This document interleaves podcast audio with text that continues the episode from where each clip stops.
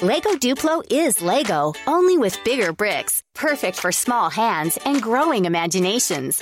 Bright, colorful bricks that help your child to create a world of imaginative building. The new Lego Duplo steam train has arrived with push and go motor and five new action bricks that control everything from the lights, the direction of travel, and even the horn. And download the free Duplo app for even more fun. Learn more at lego.com slash Duplo. That's lego.com slash Duplo. Välkommen Tryst till Klimakteriepodden. Tryststockholm.com är sajten som jag tycker att du ska besöka. Här hittar du träningskläder för aktiva kvinnor. De är snygga, bekväma, stilrena i designen, passar både på fritiden, på väg till och från träningen och också under passet. Jag har själv nästan lite svårt att komma ur kläderna efter passet för de är så sköna. Dessutom gillar jag också den här härliga mix och matchfärgskalan som finns i lite lugna färger och inte, känns inte så skrikigt. Kvaliteterna är fantastiskt sköna och jag tycker verkligen att det är kul för det är Wilhelmina, min kompis, som har tagit fram de här kläderna och hon är en förebild. Det är även roligt att det finns herrplagg i kollektionen, så missa inte det. Gå in på tryststockholm.com och Klimakteriepodden tackar speciellt för samarbetet.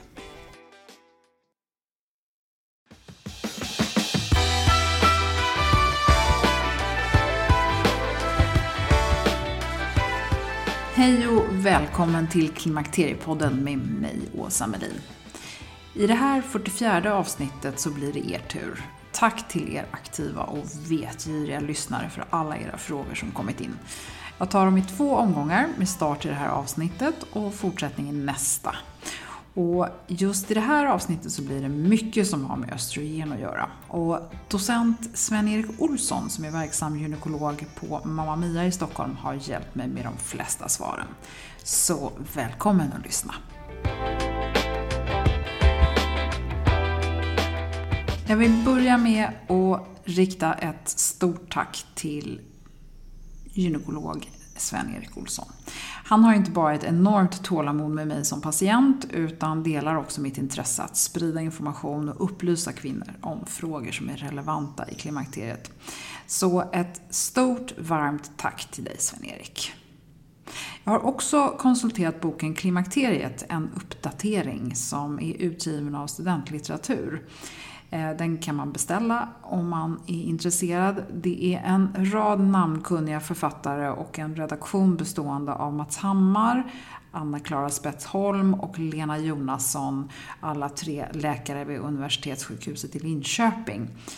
Och eh, man hänvisar och refererar till en rad olika studier, både svenska och utländska. Och jag kan verkligen rekommendera den här boken, men den är lite svårforcerad för en som inte är medicinskt utbildad eftersom den är skriven för allmänmedicinare, gynekologer och annan professionell personal som på olika sätt jobbar med kvinnor och klimakterieproblematik.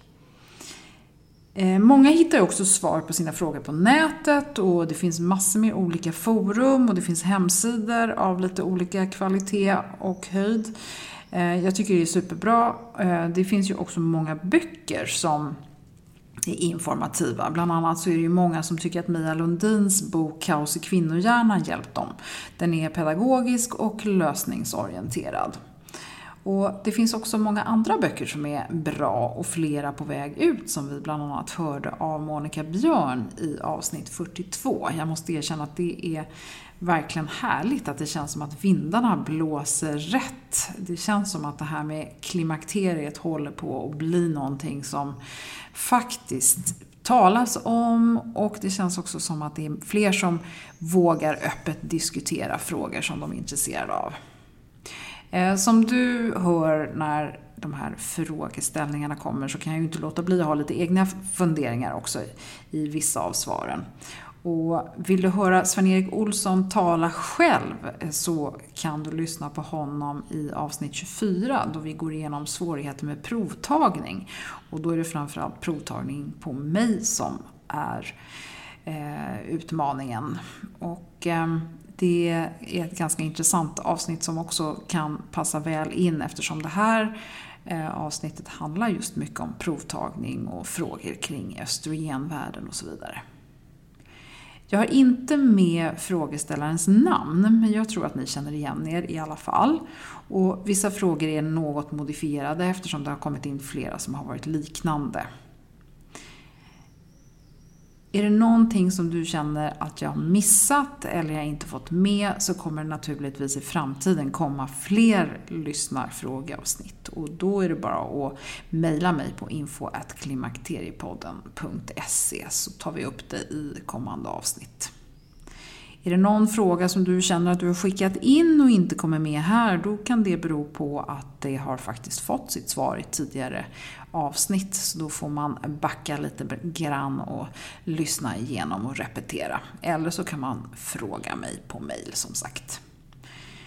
Men då kör vi rakt in i första frågan och den gäller mätning av hormoner i blodet. Och då så kommer det så här, vad är intressant att mäta? När det gäller hormoner i blodet och vad ska man be sin gynekolog mäta? Ja, den här frågan eh, är inte så himla enkel. Eh, här finns det flera problem, framförallt om man inte passerat menopaus, det vill säga haft sin sista blödning med lite marginal. Och man brukar ju inte förrän i efterhand kunna konstatera menopaus, det vill säga man brukar säga att ett år efter den sista blödningen, då brukar man säga att man kan veta att man har passerat. Och I en perfekt värld så skulle man också behöva mäta de här olika värdena vid olika tillfällen i månaden eftersom eh, olika värden varierar över tiden. Och det är ju inte särskilt realistiskt med en tid hos en gynekolog för provtagning vid ett visst tillfälle. Så mätvärdena måste analyseras med hänsyn taget till var i förhållande till män som du fortfarande menstruerar de är tagna. Och det ska din gynekolog känna till och kunna ta hänsyn till just när provsvaren analyseras. Men det kan ju vara bra att ställa någon liten kontrollfråga där.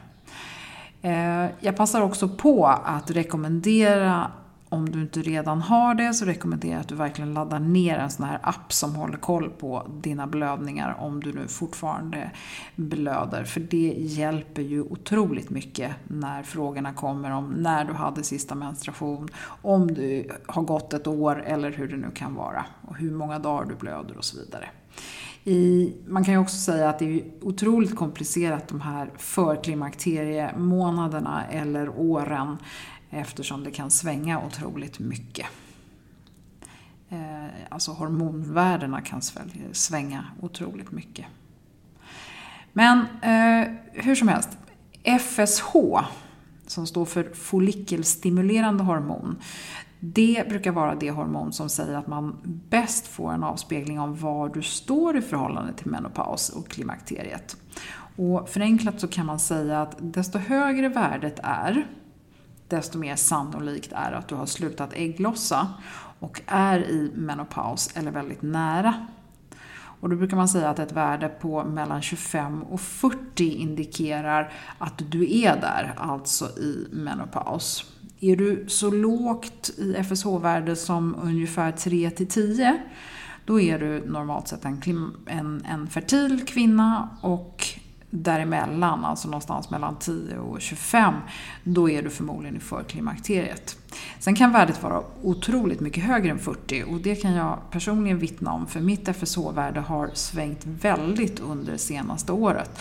Där har jag haft mätvärden som har legat på allt från 6,5 till 89 och då har inte det varit i ordning. Alltså det har varit eh, ja, 6,5 var liksom mitt i det hela. Så det är väldigt intressant men eh, också som sagt svårt. Östradiol, det är ju ditt östrogenvärde och eh, det kan man mäta i blodet oavsett om man tar tillskott eller inte. Och här finns det flera skalor så att jag går inte in på exakta nivåer. Här får man dels möjlighet att försäkra sig om att man har tagit upp eventuellt tillskott i blodet om det är nu så att man tar eh, östrogen oralt eller via plåster eller gel. Eh, men det kan också vara en bra koll på ungefär hur mycket du producerar själv. Och det kan vara otroligt eh, intressant att fundera på östrogenvärde i förhållande till hur du mår. Och det ska vi komma tillbaka till. Progesteron balanserar östrogenet och man kan självklart mäta det också. Och då, om man fortfarande menstruerar, så är det relevant i den andra halvan av cykeln, alltså dag 14 till 28 om man har en regelbunden mens. Och då tar man eh, alltid dessutom ett progesterontillskott om man tar östrogen på något sätt. Och det beror ju då på att det är ett, progesteronet skyddar livmodern. Eh, så att inte livmoderslemhinnan växer till eh, vilket den ju gör om du bara tillför östrogen och sen inte blöder ut din eh, livmoderslemhinna månatligen så behöver man då antingen framkalla en blödning ungefär var tredje månad eller en gång i halvåret. Där rekommenderas det lite olika av olika gynekologer. Men Eh, det är någonstans så ofta. Alternativt så tar man då progesteron hela tiden. Och då är det för att progesteronet förhindrar en tillväxt av livmoderslemhinnan. Och på så vis så, så behöver du inte heller ha någon blödning. Det är ju väldigt många som mår bättre av ett progesterontillskott oavsett vad skälet till att man tar progesteron eh, är. Och framförallt så beror det på att progesteron har en lugnande inverkan på flera plan. Humör, man kan också säga att många som känner irritation och så vidare, de kan känna sig lite lugnare och bättre till mods helt enkelt om de tar progesteron. Och det är speciellt många i förklimakteriet som blir hjälpta av progesteronkräm. Och progesteronkräm är någonting som finns att köpa på nätet och det tvistas ofta om dess verkan, vilket vi också har kunnat höra i podden tidigare, bland annat av Hilde Löfqvist. Eh, och det är alltså kvaliteten på den här progesteronkrämen som eh, är viktig att veta. För frågan är ju om verkligen progesteronet tas upp i blodet. Och tar man då dessutom östrogen, och då det är viktigt att det når till målorganet, det vill säga livmodern, så är det otroligt viktigt att det går ut i blodet. Men om man fortfarande menstruerar och väljer att ta en progesteronkräm så spelar det ju inte lika stor roll hur effektiv den är. Där kan ju faktiskt till och med placeboeffekt vara gott nog.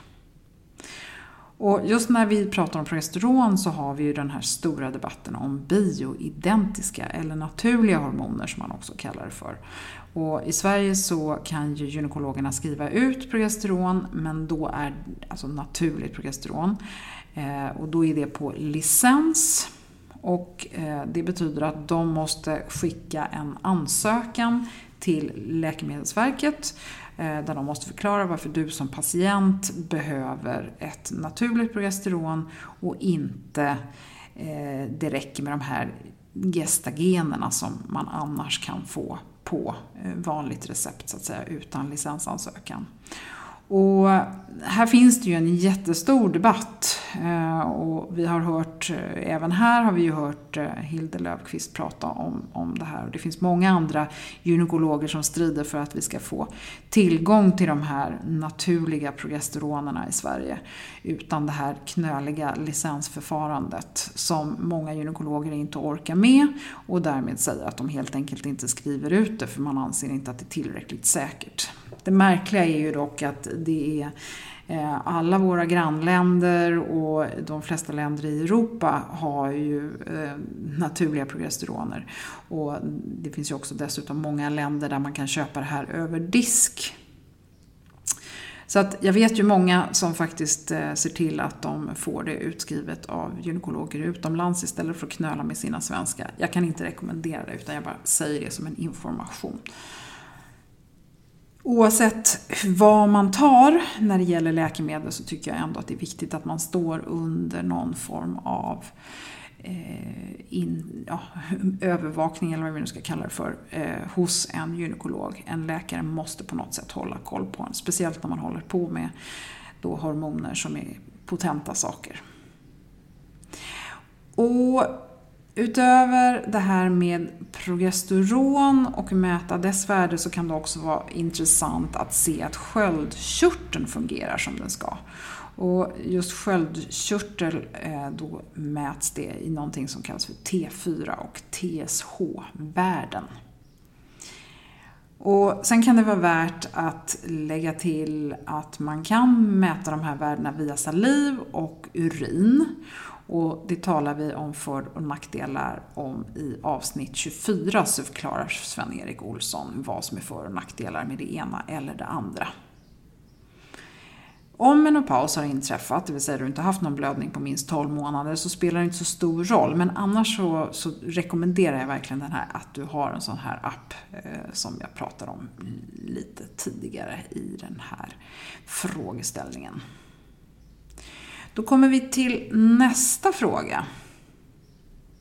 Och det är, hur vet man att man tar lagom mycket östrogen? Vad är symptomen om man får för mycket respektive för lite? Jag har hört att man kan klippa i östrogenplåster för att precisera sin dos och att det finns kräm som ska vara lätt att justera. Och då så kommer svaret så här från Sven-Erik att Läkemedelsverket menar att man ska ta den lägsta dos som är möjlig, som ändå gör att man blir besvärsfri och här måste man prova sig fram. Tar man östrogen via plåster så kan man klippa i det för att finjustera. Och sen finns det också en östrogenkräm som heter Divigel som eh, finns i Sverige och den innehåller också naturligt östrogen, precis de här plåstrarna. Estrado är det vanligaste man får i Sverige. Eh, och eh, det är eh, också lätt att använda och applicera och dessutom justera. I avsnitt 31 så fick vi höra av gynekolog Marie Lutterkort som är verksam i Frankrike att gel är förstahandsvalet just, för att det är, just i Frankrike för många kvinnor för att det är lätt att justera. Dessutom är man då också mm, inte lika sugen på plåster eftersom de syns. Nu väljer de flesta att ha sina plåster under troskanten så det är inte så många som behöver se dem ändå. Men det där kan man ju fundera på. Om man då går tillbaka till det här med om man vet att man har fått för mycket eller för lite så kan man säga att östrogendominans Alltså att du har fått i dig för mycket eller att kroppen faktiskt producerar för mycket. Det brukar ge PMS-liknande besvär som spända bröst och så viss svullnad, alltså du drar på dig vätska. Och det kan man ju ofta se på till exempel fotleder och sådär. Och sen så brukar man också känna av det på humöret. Alltså för mycket östrogen ger också en olustkänsla eller irritation. Och, och det är många som kan också känna sig lite nedstämda. Och får man för lite östrogen så är ju det vanliga att svettningar och vallningar och andra symptom som du har haft innan du började ta östrogentillskott kommer tillbaka. Ehm, och här är det ju just ehm, förklimakteriet som är det stökiga. För här kan det ju vara svårt att justera dosen eftersom man själv producerar östrogen i större eller mindre mängd. Framförallt väldigt oregelbundet. Och det kan ju bli väldigt sväng, svängigt och eh, därför kan det ju liksom vara svettningar ena dagen och eh, svullnad nästa. Så att eh, tillskottet i det här läget det skulle i så fall eh, jämna ut svängigheten något. Man tar bort vissa dalar och toppar. Men det är absolut den fas som är svårast att reglera. Och när man pratar om det här med att klippa i plåster så, så vet jag att en del verkligen undrar hur man gör. Men då kan man också lägga till att just de här östradoplåsterna, de finns med eh, väldigt många olika doser. Så att eh, där så behöver man inte behöva, utan då kan man bara be sin gynekolog skriva ut en högre eller lägre dos. Men har man inte möjlighet att få det eh, ja, så kan man ju själv som sagt experimentera hemma. Lego Duplo is Lego, only with bigger bricks, perfect for small hands and growing imaginations. Bright, colorful bricks that help your child to create a world of imaginative building. The new LEGO Duplo steam train has arrived with push and go motor and five new action bricks that control everything from the lights, the direction of travel, and even the horn. And download the free Duplo app for even more fun. Learn more at lego.com slash Duplo. That's lego.com slash Duplo.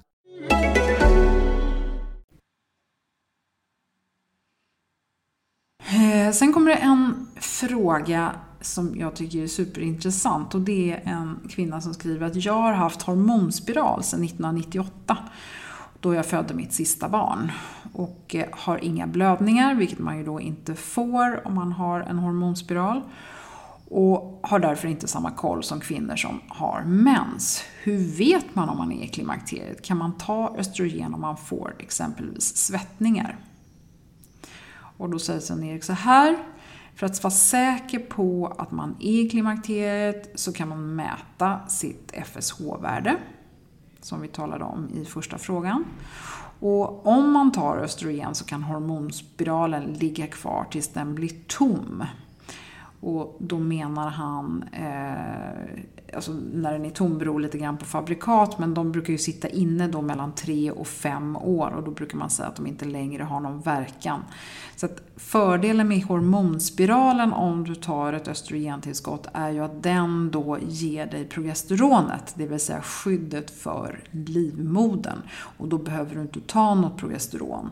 Jag vet att till exempel Angelica Lindén Hirschberg som ni har hört i flera avsnitt tidigare, hon brukar rekommendera den kombinationen att man tar estradoplåster och kombinerar det med hormonspiral och på så sätt så behöver man inte ta progesteronet oralt utan man får det, eller med, med kräm, utan man får det helt enkelt automatiskt till eh, som skydd i livmodern med spiralen.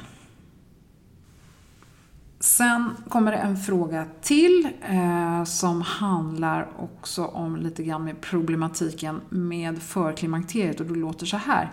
Migrän och huvudvärksproblematik knutet till förklimakteriet verkar klinga av när klimakteriet väl passerat. Men jag skulle ändå vilja veta lite mer och förstå varför jag haft och har migrän regelbundet 3-4 dagar kring mensen varje månad. Och då är det här ett ämne som verkar lite svårt. Eh, för att det verkar inte som att forskningen är helt klar på det här. Men svaret blir i alla fall migrän triggas av hormonförändringar, menar man. Och då speciellt östrogenet. Och vid mens, så fort man börjar alltså blöda, så sjunker hormonnivåerna snabbt och då brukar migränen gå över. Så har man upplevt migrän i samband med och runt menopaus kan hormonnivåerna svänga en hel del medan det senare sjunker till en låg stabil nivå och då försvinner oftast migränen. Alltså så länge östrogenet svänger häftigt eh, och man kanske inte heller får sin blödning så kan det ju göra att man får värre migränsymptom än man haft tidigare för att de sen ska klinga av i samband med att östrogenvärdet sjunker och lägger sig på en stabil och låg nivå. Jag hoppas att det var hyfsat tydligt. Sen kommer det lite frågningar om det här med sömn och det här tycker jag är eh, otroligt Eh, jag känner verkligen för de kvinnor som inte sover på nätterna för jag har själv lidit väldigt mycket av det. Eh, och det handlar inte bara om vallningar och svettningar men, men många störs ju väldigt mycket av det och då kommer en fråga som heter så här. Eller som lyder så här. Jag har mycket problem med vallningar på natten, svettas något så kopiöst och sover jättedåligt. Har provat många olika östrogenpreparat, inget verkar hjälpa. Vad ska jag göra? Kommer Sven-Eriks svar. Om man är säker på att det är östrogenbrist så brukar östrogen hjälpa ifall man får till en adekvat nivå i blodet. Att be din gynekolog att mäta FSH och östrogenhalt kan vägleda. Och sen är också tilläggsfråga då, har du provat med olika doser? Det behöver inte bara vara olika preparat eller märken, utan just doseringen. Och då menar han då att det är relativt enkelt att göra det här med bioidentiskt östrogen i form av plåster eller gel. Sen som tillägg så är det också att man kan ha någon annan sjukdom varför man bör uppsöka läkare och försöka fastställa anledningen till svettningarna. För hjälper inte östrogen eh, så är det ju uppenbart inte östrogenbristen som framkallar svettningarna eller hormonsvängningarna som framkallar det. En fråga till på ungefär samma tema lyder så här. Trots att jag fortfarande menstruerar så svettas jag som ett kärnkraftverk på nätterna. Trodde att mensen brukade strula innan svettningarna kom. Gynekologen ansåg att östrogen var lösningen. Och Sven-Erik säger då, kanske är det lösningen. Det beror ju på hur dina hormonvärden ser ut. Man kan också testa östrogen och så ser man om det hjälper. Det är klart att östrogen är ju relativt ofarligt att prova och det är klart att man kan testa det. Men jag tycker ju ändå att man ska försöka få lite koll på värdena innan man lägger till det. Just av den anledningen till att, som var tidigare, det kan ju vara någon annan anledning till att man svettas så fruktansvärt. Eh, det finns ju också eh, några avsnitt som vi har pratat om sömn. Och då har det varit ganska många bra tips som främjar god sömn generellt utan då att man eh, tar några tillskott. Och då kan du lyssna på avsnitt 17, 32 och 33.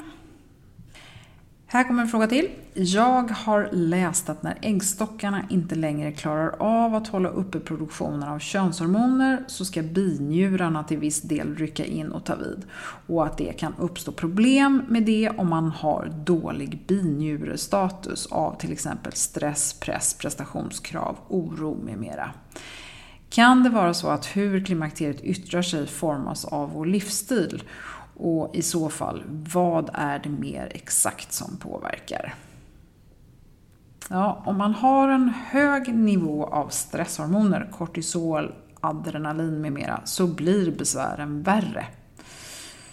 Alltså klimakteriebesvären. Och återigen så gäller det att försöka hålla stress på en lagom nivå med återhämtning och balans. Att inte göra någonting är inte lösningen utan det kan vara nyttigt att göra massor med saker men man känner sig kanske fast i en okontrollerbar situation. Då är ju det otroligt svårt. Motion är ett sätt att tvätta ur systemet om det görs på en nivå så att man inte stressar upp kroppen ännu mer. Jag tycker att Louise Edlund pratade väldigt bra om hormonbalans i avsnitt 90. 19 och då tar hon också upp det här med binjurar och eh, binjurestatus. Om man vill lyssna mer på det här som har med stress och så att göra så är ju Anders Tengströms avsnitt eh, om stresshantering i 37 eh, otroligt bra. Jag tycker också att man kan passa på att ta goda och konkreta tips från Daniel Ek i avsnitt 43. Just den här eh, OAT-axeln pratar man ju lite grann om. Binjurar, sköldkörtel och livmoder, som, eller snarare äggstockar som ska vara i, i balans. Och det tycker jag som sagt att Louise Edlund eh, beskriver bra. Hon har också en hemsida som man kan googla fram om man söker på Louise Edlund och hormoner. Om man har nedsatt binjurefunktion eller utmattade binjurar så kan det ta väldigt lång tid också att återhämta sig. Man brukar säga att binjuretrötthet eh, kan ju vara mild och sen så kan den vara väldigt eh, svår också. Den kan vara på gränsen till vad man kallar för utmattning och det kan ta ett par år faktiskt innan man helt återställer sig efter att man har liksom fått ordning på sina olika utmattningsskäl eller anledning till att man är stressad. Och som vanligt så är ju det här med kost och motion eh, och balans i livet otroligt viktigt. Och så även för en bra binjurehälsa. Och här kommer en sista fråga för det här avsnittet och den lyder Hur vet man att symptom är relaterade till klimakteriet och inte någon sjukdom? Sven-Erik säger man får undersöka och ta prover. Och det här har vi också hört eh, om primärvårdens roll och utmaningar med Caroline Larsén i avsnitt 20.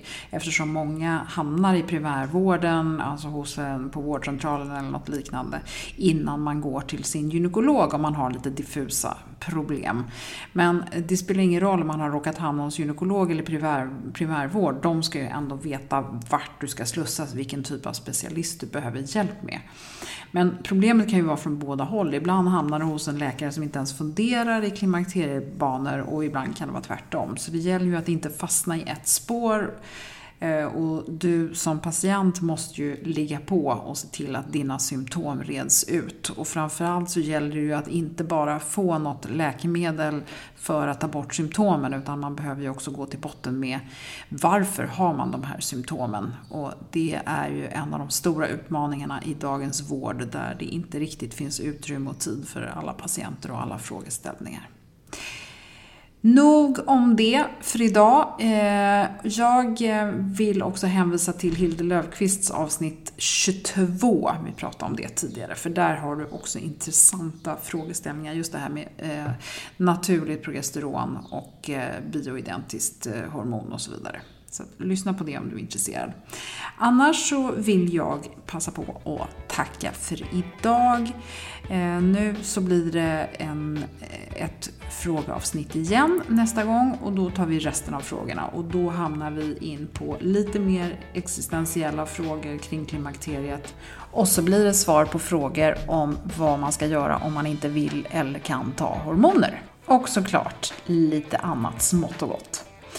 Jag har lagt upp en länk till Louise Edlunds hemsida som jag hänvisar till i avsnittet här. Och eh, den finns på www.klimakteriepodden.se och på Klimakteriepodden på Facebook. Följ oss gärna på Facebook, kika in på hemsidan och kolla på Instagram där det alltid finns någonting upplagt. Tills vi hörs igen så hoppas jag att du sköter om dig och att du mår bra. Jag eh, är jätteglad för att du har lyssnat och fortsätt med det. Så tills vi hörs igen, tusen tack. Hej då!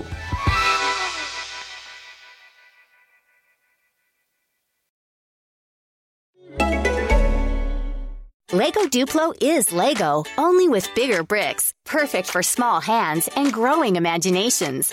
Bright, colorful bricks that help your child to create a world of imaginative building.